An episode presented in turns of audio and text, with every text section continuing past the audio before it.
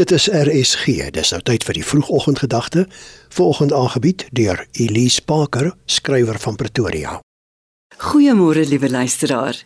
Van dese week gesels ons oor 'n nuwe begin en tweede kansse, want dit is die mooi lente maand Oktober. Tweede kansse is deel van Jesus se omvangryke genade en juis daarom bring hy ons bymekaar sodat ons deur hierdie weer probeer genade mekaar se harte kan verander.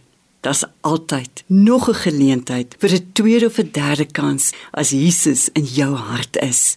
Dalk het jy 'n tweede kans nodig of is dit dalk nodig dat jy iemand 'n tweede kans gee. Niemand van ons staan heeltemal los in een kant van die lewe en verhoudings nie.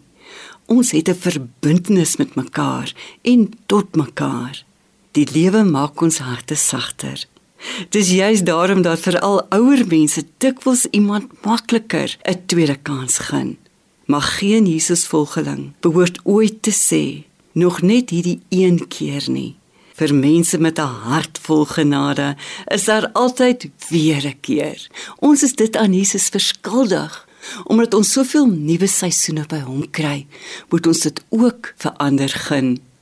In plaas daarvan om mense af te skryf en weg te loop, moet ons innooi en terugloop. God het Hiskia 'n tweede kans gegee toe hy siek was, sy sondes bely en hom in 'n gebed gevra het om hom nog tyd te gun om te leef. Hiskia kon in sy siekte net aan God vir 'n tweede lewenskans vashou. Die Vader het 15 jaar tot sy lewe toegevoeg. Hy gee ook vir Hiskia 'n teken van die betroubaarheid van sy optrede deur die sonwyser 10 trappe terug te draai. So vestig God. Hy is in beheer van die natuur en ook in die lewe van elke mens.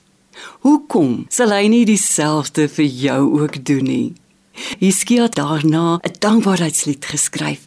Hy sê in Jesaja 38 vers 19: Net hulle wat nog lewe kan U loof, so ek doen dit vandag. Dalk wil jy ook vandag vir God om 'n tweede kans vra soos Hiskia begin deur jou skuldgevoelens oor die verlede se foute af te lê en aan Jesus te gee. As jou eie las ligter is, gaan jy makliker jou eie tweede kans kan aanvaar en ook sommer jouself vandag 'n nuwe Hiskia begin gun. Dit was dan die oggendgedagte hier op RSG, aangebied deur Elise Parker, skrywer van Pretoria.